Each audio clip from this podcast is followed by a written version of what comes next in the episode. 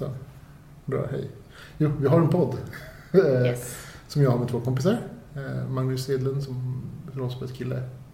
Och eh, Anders eh, Karlsson som är mer av en film och spelkille och sådär. Mhm. Eh, ja, han ritar och grejer.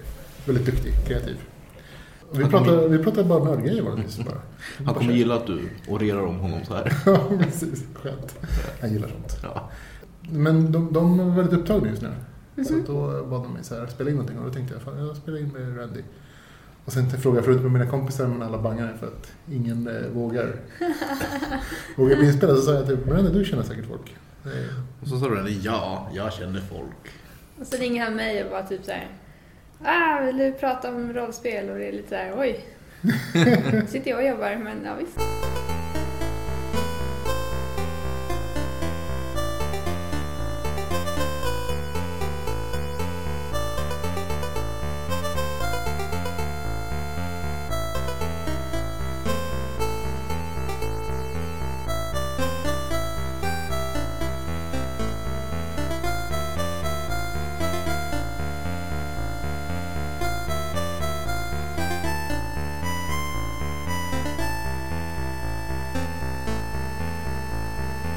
Ja, vad kul. Eh, så jag tänkte introducera mig. Jag heter Ivar Rivas. Och min vän är, Ja, Randall Rudstam. som vissa av er som lyssnar känner, andra inte. Mm. Och sen någon som jag inte ens känner. Nej. Eh, Hanna Widegarn Ålvik. Ja. Vad skönt. Eh, berätta lite om dig själv, Anna. Hanna. Hanna, sorry. Hanna. Eh, ja, jag? Är 27 år, biolog och allmän, inte rollspelsnörd, men jag är väl mera brädspelsnörd skulle jag kalla mig lite. Ja, men jag har spelat mycket rollspel. Okej. Hur kom du igång med det? Det började i gymnasiet.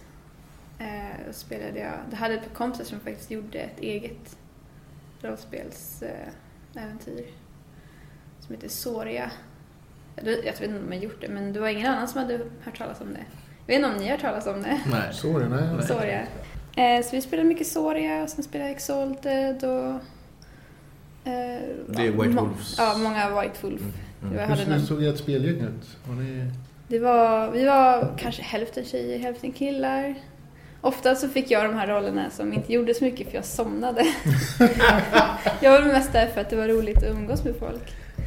Eh, Så var det de där som var riktigt inne i det, som höll, höll på och, ja, de hardcore. Så satt jag där och var så här, du, du, du, du, så brukar de slå vad dem när Hanna skulle somna. Men vi höll på på nätterna där i gymnasiet. Okej. Har du spelat några av de här svenska rollspelen som kom? Mm. Eh, just nu slipper alla ur mitt Ja, huvud. Eon, Johan har jag spelat, jag har spelat MUTANT. Mutant. Drakar. Drakar har jag inte spelat. Det är lite, drakar är ju lite av en generationsklyfta Mm. Mm. på något sätt. Drakar är ju någonting som, som typ jag spelade när jag var liten och mycket. Och Magnus då pratade om det. Fast det, det finns ju så här, Eon det är någonting som jag bara så här, lite grann har spelat. Och det kommer nog mera sen.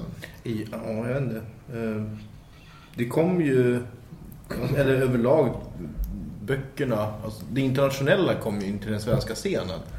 Och då, eftersom svenskarna är så otroligt bra på engelska så spelade ju det in i en större roll, speciellt Mm. bland många som rollspelare. Så då tog ju de en del av marknaden bara sådär. Mm. Eh, Jag spelade också drakar och det har ju liksom hållit i sig sådär. Och jag äger Eon böcker men jag har inte riktigt spelat det. Jag har mest läst dem och tänkt det här var väldigt mycket tabeller. Ja. Ja, de flesta rollspel jag har spelat har varit fokus på berättandet och inte på att rulla tärningar. Ja. ja, vi hade väl en stor tärningarperiod som antagligen fortfarande rullar på. Ja. The Simmy Rollen. Uh, Jag är My lite, homies. ju mindre tärningar desto bättre. ja, Ja, det, det, alltså det finns ju en charm i tärningarna tycker jag. Eh, Ja. på något sätt. Men jag tycker, jag tycker själva berättandet blir roligare om man fokuserar på det. Mm. På något sätt. Alltså så här, det är ju den som... inte, Om, jag här, minns de riktigt bra rollspelstillfällena som man har haft så, så tänker jag väldigt sällan på vilket tärningsrull jag har haft. Mm. Utan bara liksom vilken känsla det har varit och så här, hur, hur man liksom har upplevt hela situationen. kan man säga. Mm, ja, verkligen. Jag tror att en av mina, mina favoritminnen är ju när vi var ute i en stuga med ett gammalt rollspelsgäng och spelledaren kunde inte dyka upp i sista sekund. Så körde vi en hel session och så körde vi bara utan tärningar.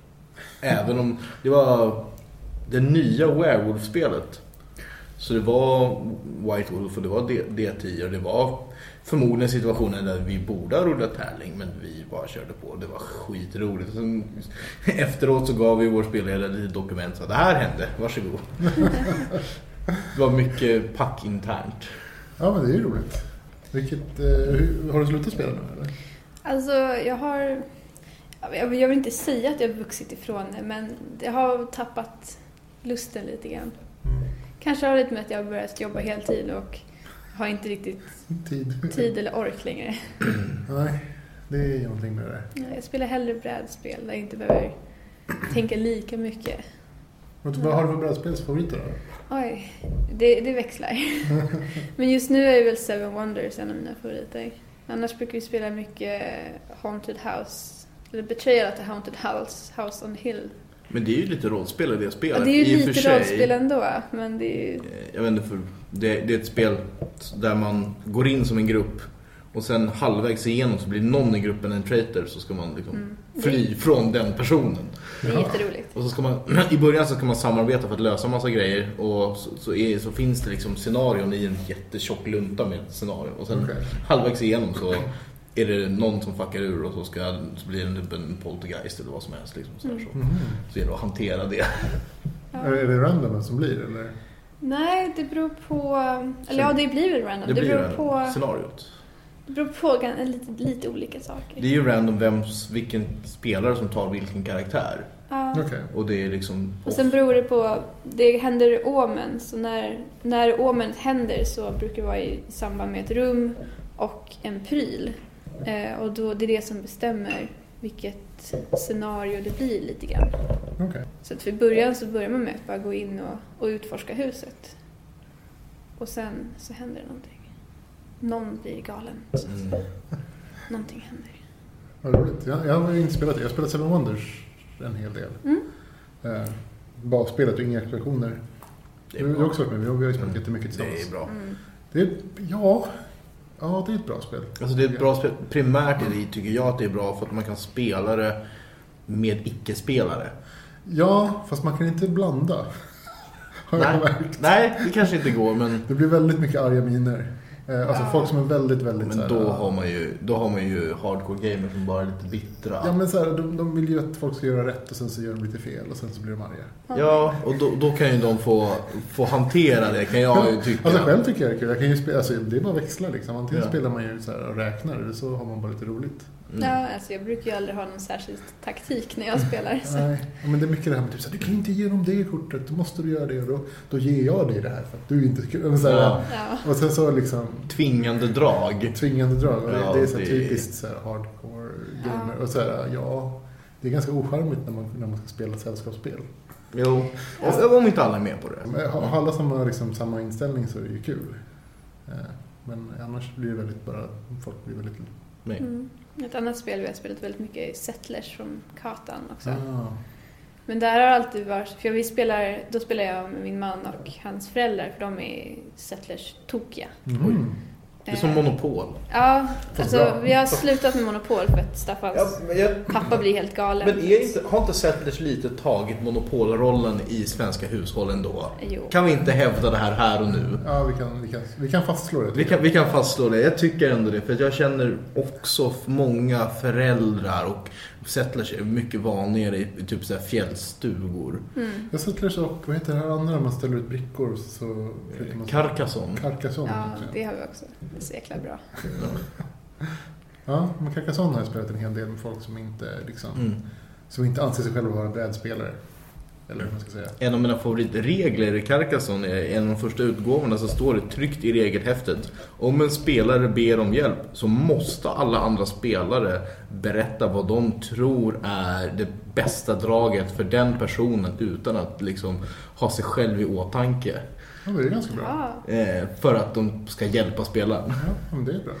det är lite, Det det, tycker jag är lite sött att de har skrivit in det, i liksom, skrev in det i regelboken. Ja, vad kul. Jag brukade faktiskt arrangera SM i Carcassonne för många år sedan på rollspelskonvent. Var det kul? Alltså, hur, hur funkar det som täv- tävlingsmässigt? Det funkar ganska bra, men det är igen lite samma sak som vi pratade om Seven Wonders nu. Så det, då handlar det om attityden och folk är där.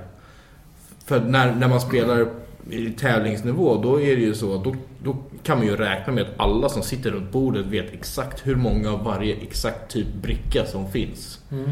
Så räknar man sannolikheter och, och är det värt att gå in i den här konflikten om de här fälten? Är det värt att typ så här bygga på en stad? Om, om jag och en annan spelare bygger en stad tillsammans då kommer ju vi tillsammans hamna före de andra i poängmässigt. Men Okej.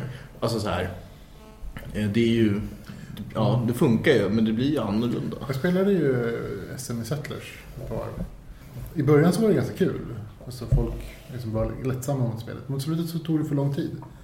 Det var väldigt långa diskussioner kring hur man skulle göra byten. Och så, så det finns ju inga, inga regler kring hur lång tid det får ta. Nej. Vilket gjorde att det tog liksom extremt lång tid. Folk satt och diskuterade liksom i, i ja, jättelänge. Och sen så när de så här, alltså folk la sig i liksom så här, men om du inte gör det så kan jag göra det mitt nästa dag. Och, alltså så här, det tog liksom en Det är evighet. jättetråkigt. Ja, så att det, var, det var inte så roligt längre. Och då kan jag tänka mig att, eh, att folks rollspelserfarenheter kommer lite väl till pass om man, om man har det här, eh, den sociala interaktionen i ryggsäcken när man spelar ett sånt typ av spel. Att är man duktig, Ja. på, duktig på den sociala interaktionen från att man har rollspelat en del, Mm. då lär man ju ha ganska bra fördel när det kommer till... Ja, det var väl okej. Eh, Allting ändå till slut, man slår ju tärning allt det där. Så att det är väldigt svårt att räkna på saker. Man kan räkna sannolikheter där också. Mm. Men, men ja, ibland så åkte man ju dit. Ja. inte så mycket att göra åt. Men det var roligt. Det är lite kul. Jag brukar ju alltid ha en strategi när det gäller rövaren i Stattlers. Och det är att jag ställer den på en ruta där ingen annan har ett hus. Jaha, för att den inte kan flytta på sig. Ja, men det är mest för då, då drabbar jag ingen annan. Så ingen hyser något agg mot mig. Och det gör ju att jag får oftare trada med folk. Ja, okej. För att folk är såhär, de är ju långsinta och tänker ah, nej men du satte rövaren på mig, då tänker inte jag handla med dig. Oj, Så då är jag så här, folk långsinta? så jag är lite såhär, ja men då sätter inte jag rövaren på någon, så då handlar folk med mig. Men jag behöver ju ta din lera. Jag måste sätta den på dig. Jag är ledsen. Jag är ledsen. Jag behöver det. Det är egentligen rövaren som gör det. Ja. Men du spelar ju en soldat, det- det var rövaren. Yes. Yes. Ja, vilket var favoritrollspelet då? Oj, gud vilken svår fråga. Eller om du vill ta så här, något rollspelsminne som du har som, som du tyckte det här var liksom det roligaste. Mm.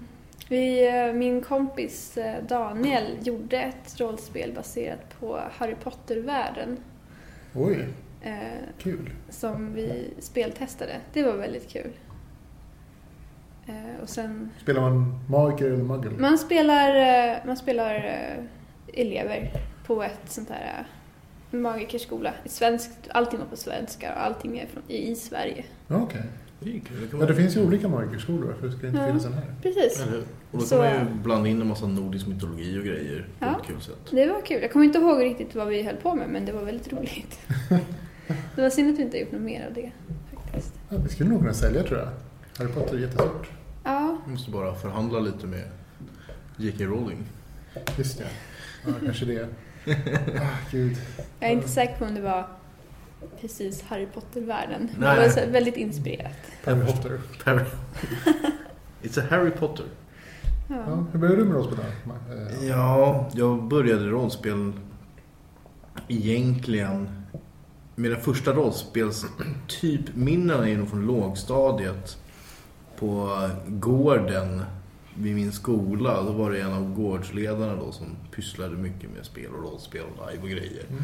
Och då hade han tagit ett väl valt antal elever, de som han, eller elever, ungdomar då, som, som han trodde skulle tycka det var roligt liksom.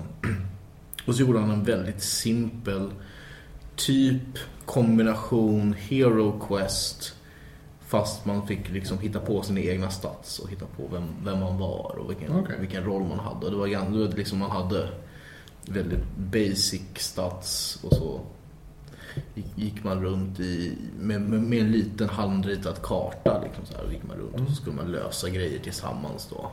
Så det var väl egentligen där det började. Sen, sen har ju min far alltid i alla tider pysslat mycket med spel. Han har spelat mycket schack, mycket kortspel. Jag är född och uppvuxen med bridge till exempel. Så Mm. spelandet har alltid funnits där. Så, och han hade mycket textbaserade muddar på dator. Mm.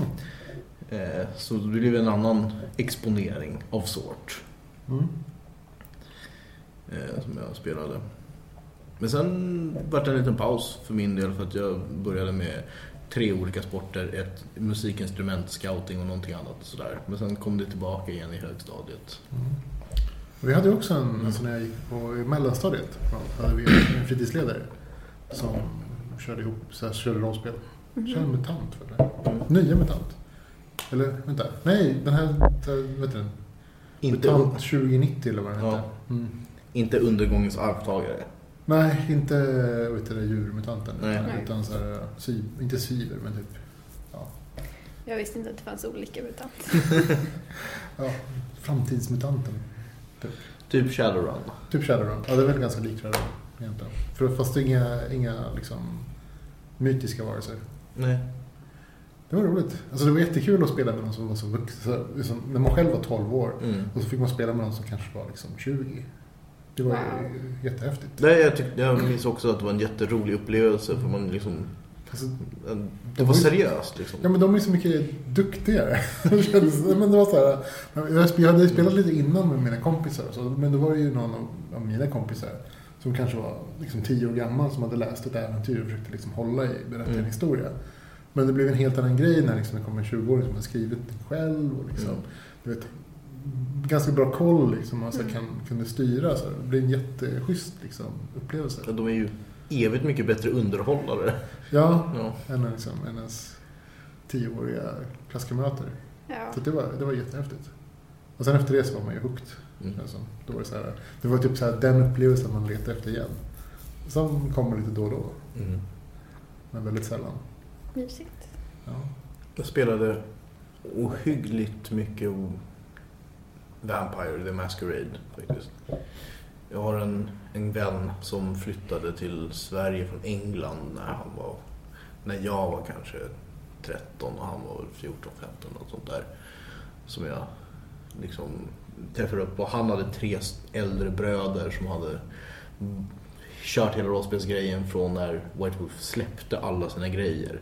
Så han hade ju, hans bröder var ju 20-årsåldern och hade liksom dumpat alla sina rollspelsböcker på honom. Så han hade ju all, allt material liksom fram till dess. Och då, då var det mycket Vampire på, på olika nivåer. Det var, det var ganska mycket Vampire Hack and Slash Sabbats hålla på. För att vi var ju typ fem, alltså 13-15-åringar som satt där och tyckte det var ballt att bygga ett pack och spöa varulvar. Men det la ju grunden till, till det Vampire som jag har spelat senare som är mycket mer av det politiska, sociala som jag verkligen uppskattar fortfarande. Jag pysslade också mycket med amatörteater när jag var liten och amatörteater är ju jag brukar beskriva rollspel som improvisationsteater i princip. Ja. ja, det är väl ganska styrt. Men ja, jag, jag har aldrig hållit på med impro- improvisationsteater. Ja, jag har också hållit på med Vampire. Fast då gjorde jag det som live Mm. I Uddevalla. I Uddevalla. Hur går det då? Det var väldigt politiskt.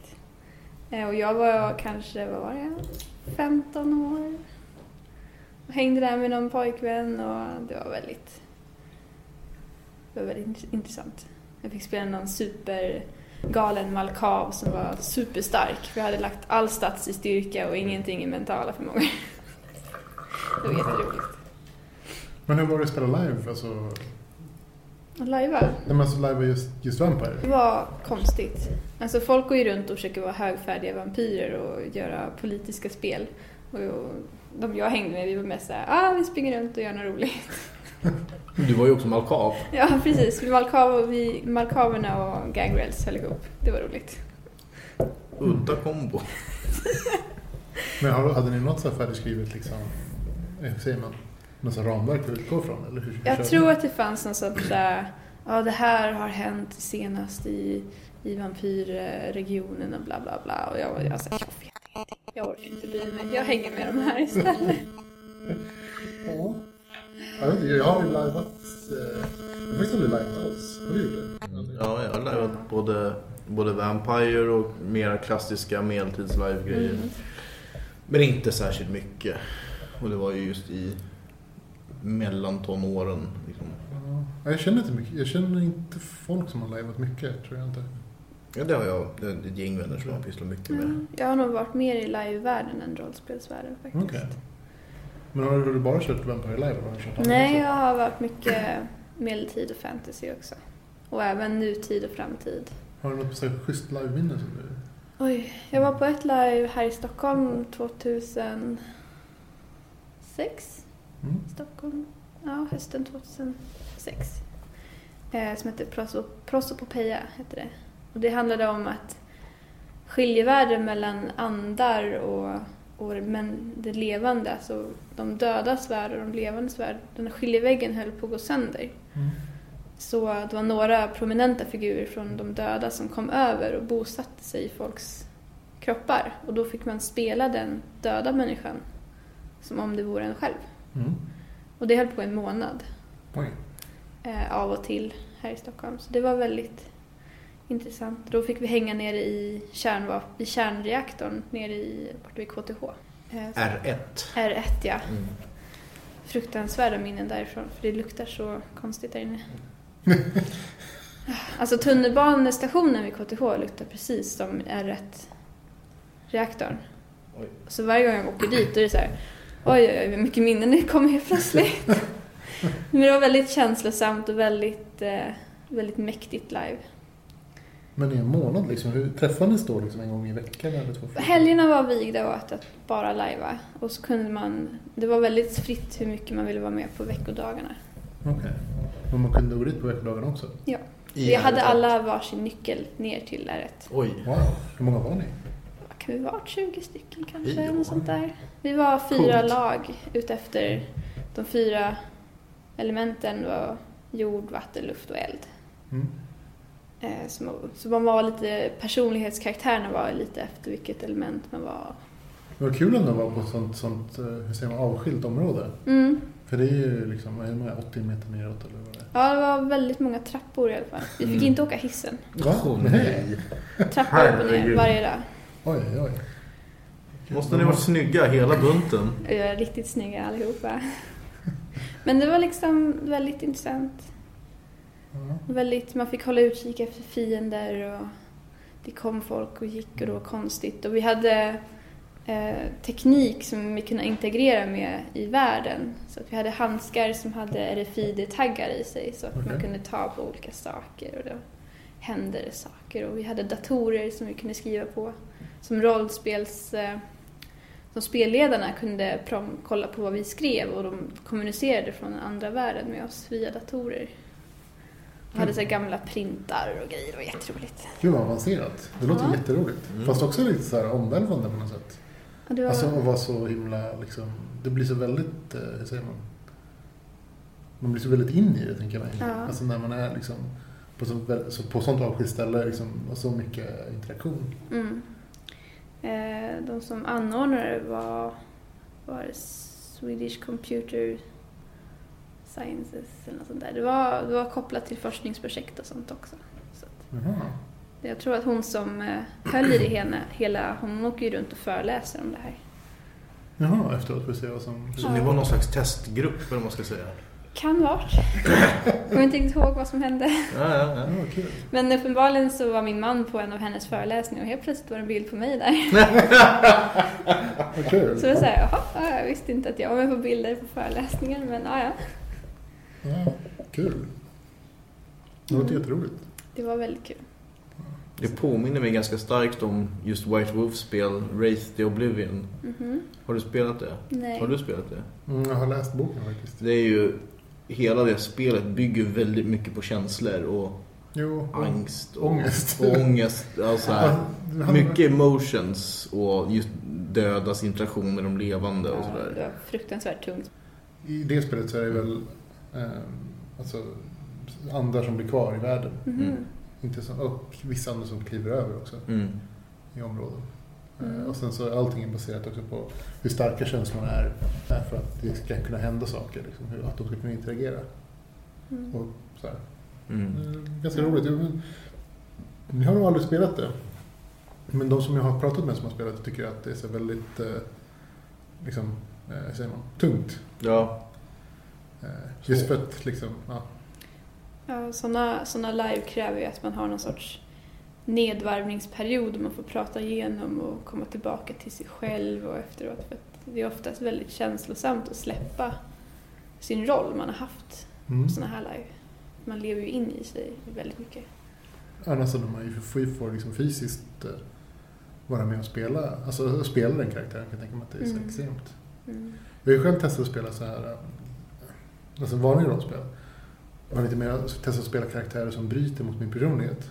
Mm. För att ofta så, så väljer man, alltså när man skapar sin egen karaktär och får välja själv. I alla fall min, så, här, så som jag har märkt att jag själv gör, att jag väljer ofta karaktär som speglar åtminstone någon av mina egenskaper eller någonting som jag själv tycker att jag, jag är. Ja, jag försöker alltid få mina karaktärer att vara så lik mig som möjligt så att jag kan spela dem på något trovärdigt sätt i rollspel. Ja.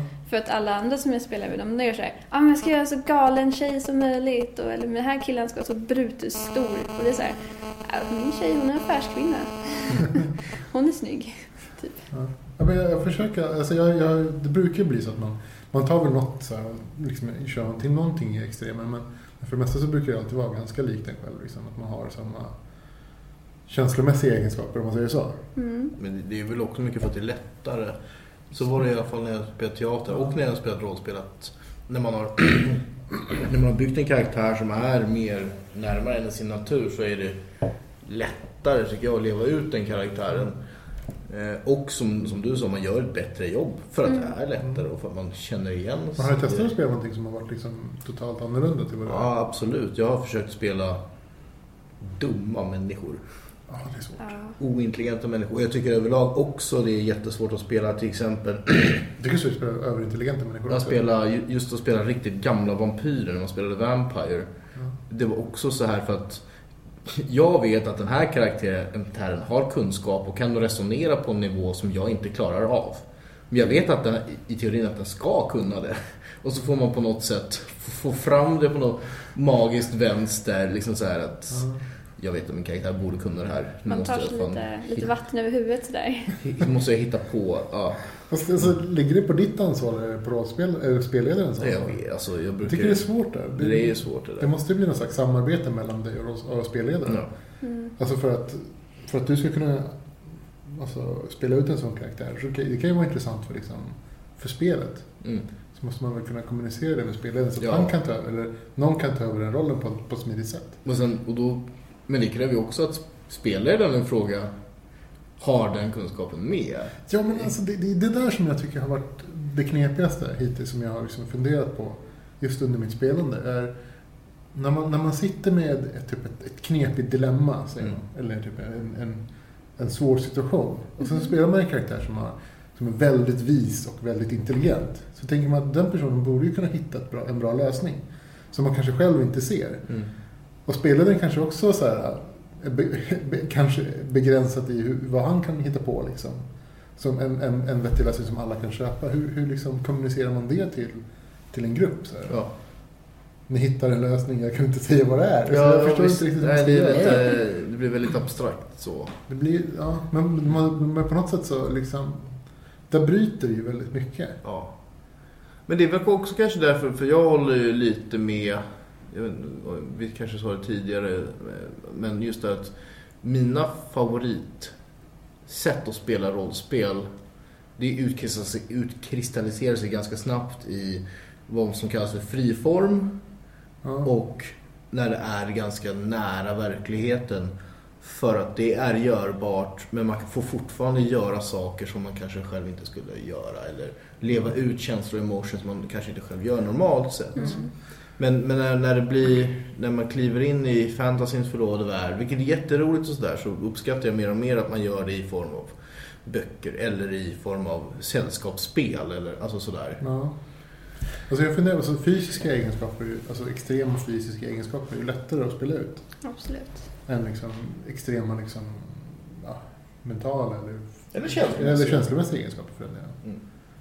Eh, Jag, vet inte, jag testade att spela en så väldigt aggressiv karaktär en gång. Jag är inte särskilt aggressiv alls. Som blir så lätt arg och liksom konfrontativ. Och det var skitjobbigt alltså. Det var så extremt jobbigt. Jag hade varit med om något liknande. Jag blev helt svettig liksom varenda gång jag satt och spelade.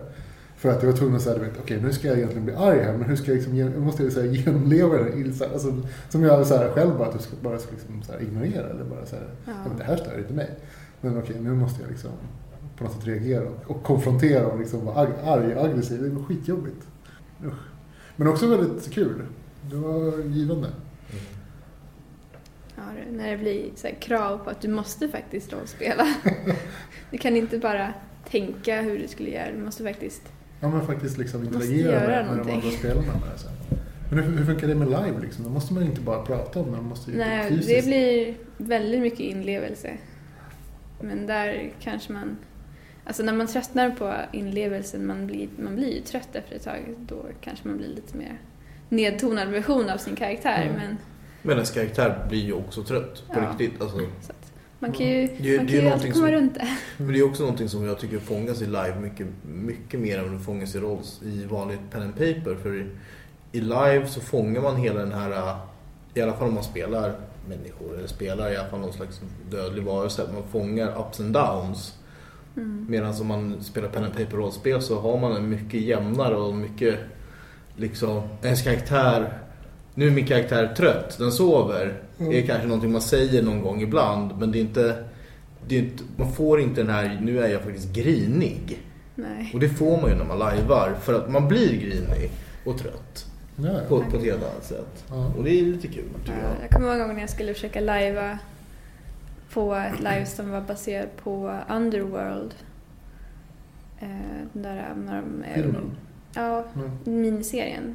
Ja, okej. Jag tror inte det. Ah, jag kommer inte ihåg, den kanske inte heter Underworld. Ah, any- anywho. Med Lycans och Vampires och... Nej, Nej. nej. det här är ju mera Neil Gaiman.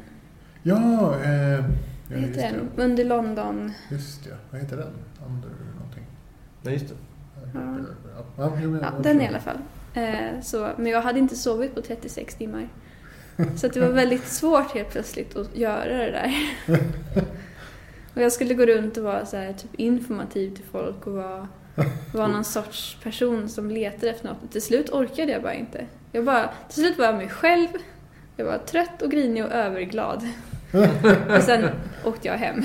Typ. Du skulle, du skulle ha varit en, en lucid madman, bara gått omkring och ramlat och bara I know things. Men det roliga var att så fort jag började prata normalt så blev folk så här eh, rollspelar du fortfarande eller, eller har vi gått off nu? Och det säger nej det har vi inte. Fortsätter jag. Åh, vad roligt. Så man ska inte vara alldeles för trött när man lajvar. Det blir inget bra. Ja, det blir väl inget bra, lite oberoende på vad man gör här i livet och man kanske inte ska vara allt för trött om man vill få ut något av det. Ja, det var det jag försökte kombinera klumesteriliv med heltidsstudier och live. Ja, Det blev lite för mycket helt plötsligt en helg. Ja.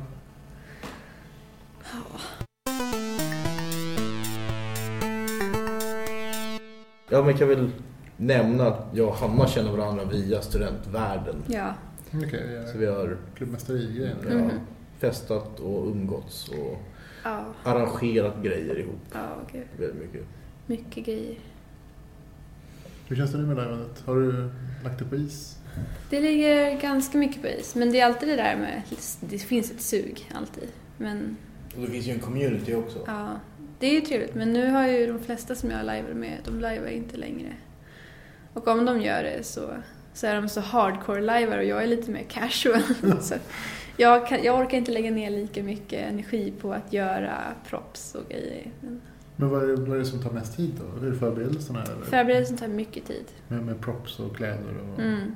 Det, det är väl lite, det är en stor del av liveandet att Mm. Att göra kläder och props och hitta på en bakgrund och kanske i förväg faktiskt prata och interagera med folk så att man har någon sorts gemensam Okej. bakgrund när man väl kommer dit. Så att man har en historia man kan samlas runt. Brukar det vara så att det är mycket så här kompisgäng som kommer? Eller, det liksom, Ja, eller finns det så folk som kommer helt ensamma? Liksom? man kan komma... Alltså, mycket folk åker dit i... Det kan vara mycket kompisgäng som spelar familj kanske, Mm. eller de spelar något annat som har med den här gruppen att göra. Och sen Mm. kan man komma dit som ensam. Men oftast är det ju spelledarna som hjälper en att hitta en roll som passar. Och... Så det är alla möjliga. ja, nej, jag, jag har liksom ingen aning. Man kan, man kan lugnt säga att man måste ha en, gilla hemslöjd lite grann Ja. om man ska visa med live. Ja, Jag gillar ju hemslöjd väldigt Ja, mycket. det är jag med. Mycket hand, alltså, hantverk. Ja. hantverksgrejer. Mm. både sömnad och vissa går in i så här sadelmakeri och gör läder och det finns allt möjligt man kan hålla på med. Mm. Det är jättekul. Men om, om man ska få ihop en hel dräkt så kan man ju väl inte, eller gör man det själv liksom, eller samarbetar man med folk? Ja, alltså det finns ju även det finns ju butiker som säljer live-vänliga saker som fantasy och medeltidskläder och sånt. Men sen, Det finns tygbutiker som ger rabatterat pris för lajvare. ja, Om man kommer dit och säger hej, jag ska på det här livet. Så säger de, då kan du komma hit bak istället och så kan du få de andra priserna. precis. När de säljer, kly, säljer tyger då till folk som ska sy sina Ja. kläder. Det är den, den, en av de bästa tygbutikerna vet jag. Mm. Ja. Ja. Ja, jag, kan, jag kan tänka mig liksom att få fixa, men ja, måste man göra någonting nytt liksom inför varje live? Kör ni nya, nya ny liksom, props, utklädning? Det beror lite på. Det finns ju live som går i varje år. Som är bara fortsättning på, Förra året? på förra året. Som har gått ett år mellan eller något sånt. Så då kan vi komma tillbaka med samma karaktär flera år i rad. Och, men det beror ju på vilket live man åker på helt enkelt. Okej. Jag har ju varit på alla möjliga, medeltid och framtid. Och, så att Vad till är, varje live måste man ju antagligen hitta på något nytt. men vad är det favoritgenren då? Är det, Jag tror medeltid ändå är favoriten. mm. Tycker det är kul. Det det är ganska simpelt. Simple life om man vill. Ja, Det behöver liksom inte vara mer komplicerat än man faktiskt tar hand om sin bondgård. Om det är det man vill göra. Liksom. ja. Eller så kan det vara att man är en narr. Eller så kan man vara in, inblandad i hovet. Eller så kan man, alltså Ja. så här. En av mina första så jobbade jag i horhuset. Mm. Fast jag var inte hora. Nej. Det var många som var såhär, ah, vad kostar det då? Och så, jag är inte hora. Fan. Sluta kom hit och tro att jag, jag badar folk. Jag utför ingenting annat. Så det var en stor del som gick ut på att jag skulle övertala folk om att jag inte tog betalt för någonting annat än att bada folk. Lustigt. Fast det där var lite skrämmande i och för sig. Jag läste ganska nyligen en artikel om just det här med sexual assault Ja, inom live-sfären. Och hur de nu, Sverok och lite andra organisationer har gått ihop för att klämma åt det. precis. Vad tycker du själv? Har du känt liksom, inte, jag vet inte att det har hänt något, men har du känt dig hotad liksom? Eller så här, känt det jobbigt? eller? Eh, Jag personligen har aldrig känt mig hotad. Jag har alltid hängt på live som har varit bra kvalitet kan man säga. Det finns Okej. ju bättre och sämre produktioner. Ja, men det är klart. Ja. Kan jag tänka mig. Så jag har ju alltid åkt på de som jag har ansett varit bra, Välproducerad. välproducerade, väl, väl arrangerat. Men det händer ju alltid att någon går över gränsen. Alltså det kan jag tänka mig, alltså, om, man, om man spelar karaktärer och sen går in för det, att man kommer passera någon slags gräns Mm. vid något tillfälle. Och det är svårt, men det måste ju finnas någon slags, alltså, att man kan liksom bemöta det på ett bra sätt. Ja, man kan ju, man kan ju alltid säga att nu kliver jag ur live-situationen. Ja, man kan säga stopp liksom. Det är bara att bryta live-situationen. Mm. Nu, nu vill jag bryta det. Eh, Men, men det är ju så, när man live, man blir ju väldigt emotionell, man blir väldigt inne i karaktären. Och, då, och så spelar man med någon annan som också är väldigt inne i sin karaktär så kanske man faktiskt mest inte förstår, man borde bryta. Men man skulle ha Alltså, brutit. jag, jag vet ju det själv alltså, när man spelar med, med folk som man inte känner. Alltså alla möjliga typer av spel. Jag spelar ju mycket kortspel och eh, brädspel och sånt där med folk. Och liksom, man möter ju alla typer av människor. Vissa människor har ju så här sämre spärrar eller sämre kontroll. Liksom, än Mm. andra. Ja. Och då har jag ju kanske inte hamnat i okväm, men jag, jag har ju hamnat i situationer som har varit lite obekväma. Liksom. Folk som skriker på en. Ja, Och så här, amerikaner. amerikaner som skriker på en och är arga och kastar saker. Och då tänker man så här, ja det här är kanske inte riktigt... Liksom, och så tänker man, ja, ja om man liksom extrapolerar en sån situation till ett live liksom, ställe då, så det känns ju nästan, alltså det känns väldigt jobbigt när det är så fysiskt. att man också liksom fysiskt medverkar i det. Mm. Mm. Fast jag vet inte. Hur... Ja, alltså... Jag har aldrig varit i den situationen då det har hänt någonting. För att jag har alltid... Jag har aldrig, jag har aldrig, sett till, jag har aldrig varit där. För att jag har Okej. alltid sett till att inte vara där. Det. Om det har varit liksom i Mm. någon, någon sorts stämning då, då folk låtsas att dricka och man låtsas göra saker som gör kanske man är full.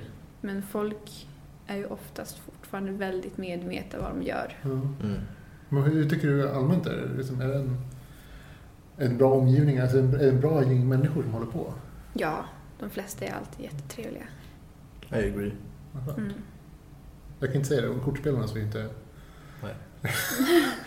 Eller det beror på. Vissa, Alltså- i, vissa, I vissa tillfällen så ja. Men jag vet Man, att det man, man lär sig att välja. välja och man lär sig att kunna hantera vissa typer av... Men det är så med sällskapsspelare också. Mm. Alltså folk som går på konvent och spelar mycket spel och sådär och är ja, kanske väldigt tävlingsfokuserade kan man kanske uttrycka Ja, det är väl det. Ja, det är väl det som... Ja, Just det här tävlingsfokuset och hela den här...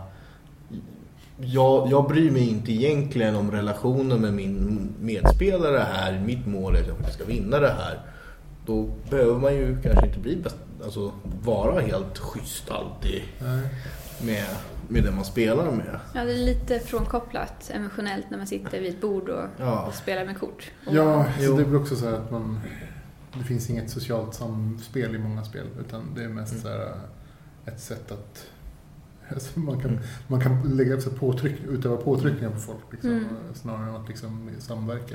Sen kan ju jag tycka också att det är någonting som många inte egentligen tänker på. Men när man spelar ett spel där det är multipla spelare, det vill säga fler än två. Så finns det ju, det finns ju en fördel i att vara socialt kapabel och dessutom schysst. Att det innebär ju, precis som du sa, du sätter inte rövaren på någon. Mm. Det innebär ju att andra kommer bli mer positivt inställda till dig även om de faktiskt vill liksom vinna. Mm. Så kan det ju vara så att de hamnar i ett läge där de får välja mellan dig och någon annan. Och om du har varit den schyssta spelaren då är är det stor sannolikhet att de kommer välja dig. Så det är ju liksom en del av grejen Fast du också. har ju spelat mot de här, alltså, även i sådana spel har du spelat mot de här spelarna som är aggressiva. Ja, Och som liksom försöker styra bordet via liksom, jag vet inte, genom att vara arga och skrika åt folk. Jo. Och det, det funkar ju också i vissa situationer. Och mot, mot vissa människor, men det funkar ju inte mot alla. Nej, det, det är väl sant. Alltså, Man kan ju vara trevlig mot alla. Alla gillar Ja, alltså, alla, alla gillar en trevlig person. Alla gillar inte att, att liksom någon står och skriker på en. Eller ingen gillar att någon står och skriker på en. Men alla blir inte påverkade av att någon står och skriker på på samma sätt. Det Mm. jag brukar, apropå det med rollspel, jag brukar ganska ofta dra den skillnaden när man spelar Vampire eller när man spelar mycket av White Wolf-spelen så har de en massa attributer och då har man tre sociala attributer. Två av dem är Manipulation och Karisma. Båda attributen använder man när man vill få sin vilja igenom. På sätt och vis. Mm. Men de gör det på lite olika sätt.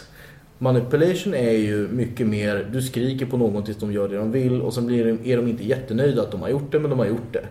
Och mycket mer direkt och väldigt mycket snabbare. Medan karisma är snarare att du försöker charma någon att vilja göra det du vill att de ska göra åt dig.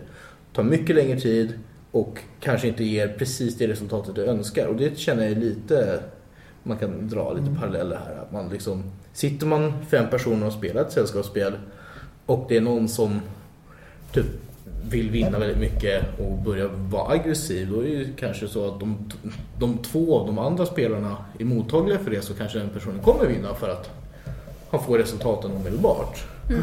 Men om inte så många är det utan Det, det brukar Alltså. vara det här, det här liksom, när vi spelar... Jag tänker mycket när vi spelar på, vi spelar Vampire-kortspelet då, som är Mhm. ett ganska socialt kortspel. Är det det du har försökt jajamän, få mig att spela någon gång? absolut. Det är ett extremt socialt kortspel. Eh, där märker man ju att så här, på, mot finalen och så, här, så finns väldigt mycket aggressiva spelare som är väldigt, så här, inte skrikiga kan man säga, men Mhm. väldigt så här, aggressivt manipulerande. Eh, som det går ganska bra för. Men de vinner ju aldrig de riktigt stora turneringarna, utan det är alltid de här extremt trevliga personerna som man bara gillar. Ja. Mm. Vilket är väldigt kul för att Det är inte alltid, det är ju också ett kortspel så randomness kan Ja, ju hända. Fast så. för det mesta. Alltså. Men Man, sitter, man mesta. sitter på finalbordet och så tänker man att det här var väldigt trevligt. Mm. Det är väl trevligt att tävla med mot någon som är trevlig. Jo. Ja, Det, fin- det finns ett gäng människor runt om i världen som spelar just det här vampyrkortspelet som, som jag i alla fall kan räkna upp som typ så här, de här vinner mycket och det gör de för att de är faktiskt genuint duktiga men också jävligt trevliga och karismatiska. de är alltså Ja. väldigt, väldigt trevliga. Och det är så att man kan, folk man vill vara vän med. Liksom, Ja. för att de, alltså, som man är kompis med efteråt också. För att man Mm. vet att de är väldigt trevliga och schyssta människor. Och så roliga personer att vara med. Då tycker jag att man har vunnit mycket mer än bara spelet. Absolut. Alltså, nej, gud, jag har ju fått mycket vänner via det här spelet. Ja, känner jag. Alltså, folk man känner som Men överlag, Ja. alltså hela hobbyn, rollspel, live, sällskapsspel, det genererar ju, tycker jag, för min del genererat mycket vänskaper för livet. Alltså. Absolut. Men så, det är så det är. Alltså, så här, interagerar med folk socialt på ett sätt som är liksom trevligt. Och man, folk som har samma intressen. Men också så här, där man liksom får socialt interagera på riktigt. Så här, på något sätt. Mhm. Eh, länge. Mm. Eh, så, så, så det är klart man blir vän. Eller så blir man ovän. Ja. Ja. Jag kan, inte, jag kan ju inte säga att mina taktiker i Settlers gör att jag vinner särskilt ofta. Men jag är ju väldigt god vän med mina svärföräldrar. det är ju Det är ännu viktigare. det är vad vi kallar out of game consideration. Game of life. Ja. Härligt. Nej, men det, är, alltså, det är jättekul. Jag, eh, alltså, jag tänker på ofta så här, hur, hur mycket man interagerar socialt med människor överlag. Mm. Och så här, långa sociala perioder av interaktion har man ju inte, inte med så många. Nej. Utanför liksom, sin familj. Så att säga. Eller, ja, ja, det är ju så. det är ju så. Och, men ett, ett sätt att få det på är ju via, via såna här alltså rollspel och brädspel och live, antar jag.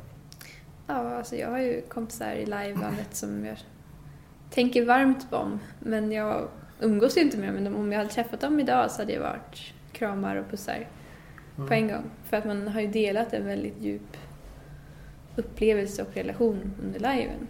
Mm. Ja. Folk som inte spelar, hur får de det här? Är det folk som inte... spelar spel? ja, jag vet inte. Ja, Det är svårt att kanske Alltså, fråga. jag vet, jo, men jag, alltså, jag kan inte... Jag, Sport kan jag tänka ja, men jag tänkte precis säga det. Jag kan exemplifiera från en polare jag träffade i natt på väg hem på nattbussen. En gammal kompis från eh, just lågstadiet. Och, han, och vi satt och snackade lite om gamla vänner då som vi har haft från förr. Och frågade mig alltid, men vilka har du kontakt med och sådär. Och han sa, ja men jag har kontakt med typ den och den personen. Men det är ju för att vi båda, vi alla tre är stenhårda Djurgårdsfans. Ja. Och då var det där. Då var det liksom, polletten ramlade ner. Eh, De gillar sporten, de umgås och typ tittar på sport eller går på pubbar och pratar om sporten och det är en gemenskap där, så att säga. Sport och religion. Ja, absolut. Politik, Ja, kanske det. ja. föreningsliv. Sverige är väldigt duktig på föreningsliv Ja. överlag. Mycket, mycket scoutrörelsen, mycket f- politiska föreningar, Det finns mycket... ju bara intresseföreningar av alla, Ja. av alla sorter. Ja, visst. Det har varit så här, en diskussion bland, bland folk som flyttar hit då, som jag pratar med. De undrar liksom, hur kommer man i kontakt med, med svenskar? Liksom, för att Mhm. det är så väldigt svårt. Alltså, på jobbet så är man ju väldigt artig och man, så här, Ja. man kanske går på en after work och så, men man umgås ju inte. Eh, Det tar ganska lång tid när man blir hembjuden hos någon. Liksom, och får, så här, då är man ju ändå ganska nära vän när man blir hembjuden. Ja, verkligen. I Sverige? I Sverige. I Sverige. Ja, i Ja. Sverige. Mm. Man bjuder inte hem vem som helst, liksom, så här, Mm. en arbetskollega. Så här, som man kanske gör i andra länder. Så, att man, så här, hur gör man? det? Man, så här, jo, folk träffas via föreningar, liksom, så här, gemensamma intressen. Mm. Och så, så, så liksom, vad är du intresserad av? Antagligen så finns det en, en förening som, som, som, som håller på med just det. Liksom. Garanterat finns det en förening Ja, det. det är ju ett av mina första tips till folk som, har blivit, som är singlar. Är att hitta en hobby och umgås med folk som håller på med den hobbyn. Och så hittar du någon till slut. Ja, Vänner, partners, allting finns där ibland Ja. hobbysarna. Ja, det är ju så. det är så. Och det är, det är verkligen så precis vad man är intresserad av. Ja, jag träffade min man via ett live, Ja, första efter gymnasiet. Där var han. Ja. härligt. Och vilken lirare han är. Ja. Jag gillar honom. Super, superhärlig. Man får vara med nästa gång. Ja, Berätta. han, är, han sitter ju och tillsammans med en kompis håller de på och gör ett rollspel just nu. Vad Så kul. de har ju byggt ett helt rollspelsystem tillsammans. Mm. Som jag var med i kärngruppen och testade. Kom fram till att jag är för trött för det här. Eh, Men de spelar fortfarande varje tisdag. Eller? Ja, de försöker spela varje tisdag. Så att, Vad kul. och om det inte blir rollspel så blir det alltid brädspel. Ja, vi har ju våran spelledare, man ska säga. Den, den personen som spelleder mest av de vi känner, Mm. som vi har spelat mest med. Han, han försöker bygga nya grejer hela tiden. Alltså. Ja, alltså, Med då- eh, väldigt varierande kvalitet. Viss, vissa var bra faktiskt. Vissa idéer var väldigt bra. Ja. Andra idéer det var var lite sådär. Ja. Men det är väldigt, jag tycker det är jättesvårt. Alltså så här, mina, våra vänner som håller på med det här är ju väldigt så här, spelmekaniskt intresserade. Mm. Alltså så här, Mm. brädspelsintressenter. Så, här, så. så det blir också så att man, man sätter ganska stor vikt på att, liksom, att spelet mekaniskt ska fungera. Ska liksom Ja. inte vara uppenbart exploitable. Ska säga. Nej. ja, det är många sådana diskussioner hemma hos min, mig på Mm. Fast det, tisdagar. fast det är jättesvårt tycker jag. För att det, liksom, det, det känns lite som ett så här, omöjligt uppdrag. Att, att hitta någonting komplicerat och, och genuint komplext som kan liksom återspegla Mm. någonting bra. Mm. Men som inte går att, att, att miss, alltså missbruka. Ja. Och då är så frågan, liksom, är det ett problem? Är missbruket av systemet ett problem? Eller är det bara liksom... Det har väl att göra med vilken, vad är det för grupp och vad är det för grupp av spelare som spelar. Viss, det- vissa grupper Ja. Men per så- automatik tävlar liksom. Ja men det är väl samtidigt så att vissa, vissa, alla spel passar inte för alla liksom. Nej. Nej. Så det beror på lite hur man, vad man är. Ja, jag, har ju, jag har faktiskt flera vänner som, som inte gillar friform överhuvudtaget. Som inte gillar... De vill ha tärningar och de vill ha regelboken och de vill kunna slå för att det är, det de, det är så de gillar att spela spelet. Mm. Mm. Det Och då kanske man kan säga att då kanske du egentligen är mer av en brädspelare. Men det är lite friare. Men det finns ju en frihet i, i rollspelen. Ja. Även om det finns tärningar och sånt. Mm. Så det finns ju en frihet i så vad man kan göra på något sätt. Liksom, Mm. vilka, vilka beslut man kan ta. Jo. Men jag förstår ju också så här, tjusningen med, med att slå tärning och hitta ett system som är, som är vackert och Mm. kul att spela. Alltså, Dungeon bashing har ju sin charm. Ja, det är ju roligt. Men, men samtidigt så tycker inte jag kanske att det är de sessionerna man minns bäst. Och det är inte de sessionerna, eller inte det, det spelet man vill sitta i ett år i sträck och göra varje vecka heller känner jag. Det finns ju de som spelar Diablo. Ja, liksom. Ja. Det var ett hål i marken. Du gick ner. Ja. Våning, våning ett. Det var zombies. liksom. Oj, oj. Ja. Nej, jag gillar ju friform tror jag mera. Mm. Men jag har ju funderat på att sätta ihop ett spel med lite gamla kompisar. Mm. Och vi får se vad, som, vad det blir. Jag kan, jag kan, det där lät ju jätteintressant med Harry Potter i Norden. Mm. Men jag kan också, jag har ett gammalt gäng från bygden. Som vi spelar, när vi spelar, och det gör vi inte särskilt ofta, men det brukar alltid vara en av mina polare som är väldigt insnöad på Lovecraft. Och det är mycket friform, Lovecraftianskt, Mm. skräck. Och det är jävligt roligt. Ja, vi hade en sån kampanj för några månader sedan som min man höll i, för han gillar ju Lovecraft Mm. jättemycket. Men det var baserat på Harry Potter-grejen, fast Lovecraft. Harry Lovecraft. Ja, alltså det var, vi var på skolan där, eh, Jag kan Trollkarlsskolan. stå H.P. Lovecraft. Harry Potter Lovecraft.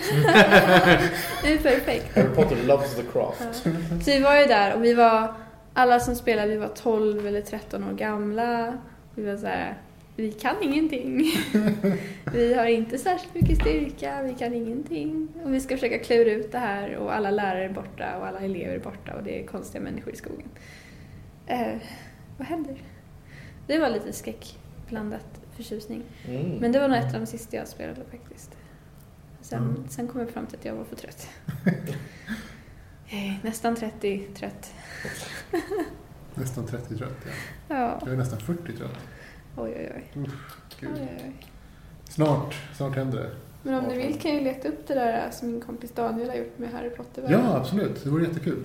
Kanske har gjort en del rollspel ändå om man jämför med andra personer. Garanterat. Garanterat. Det finns ju de som inte gjort någonting. Garanterat. Jag kom på- på att, just jag har ju pillat lite i Warhammer också.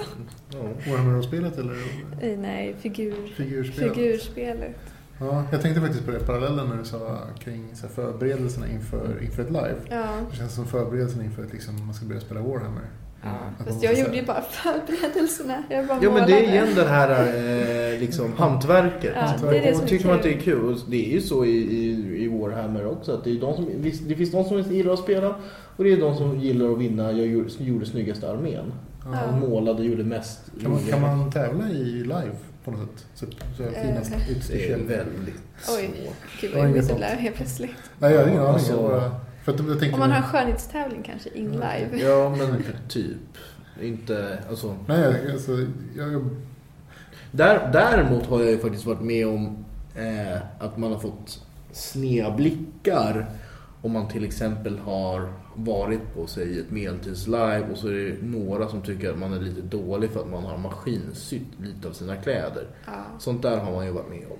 allt mitt är maskinsytt. Jag Ja. skiter i... Jo, men det Det finns är- fortfarande folk som tycker att det inte riktigt är tillräckligt true.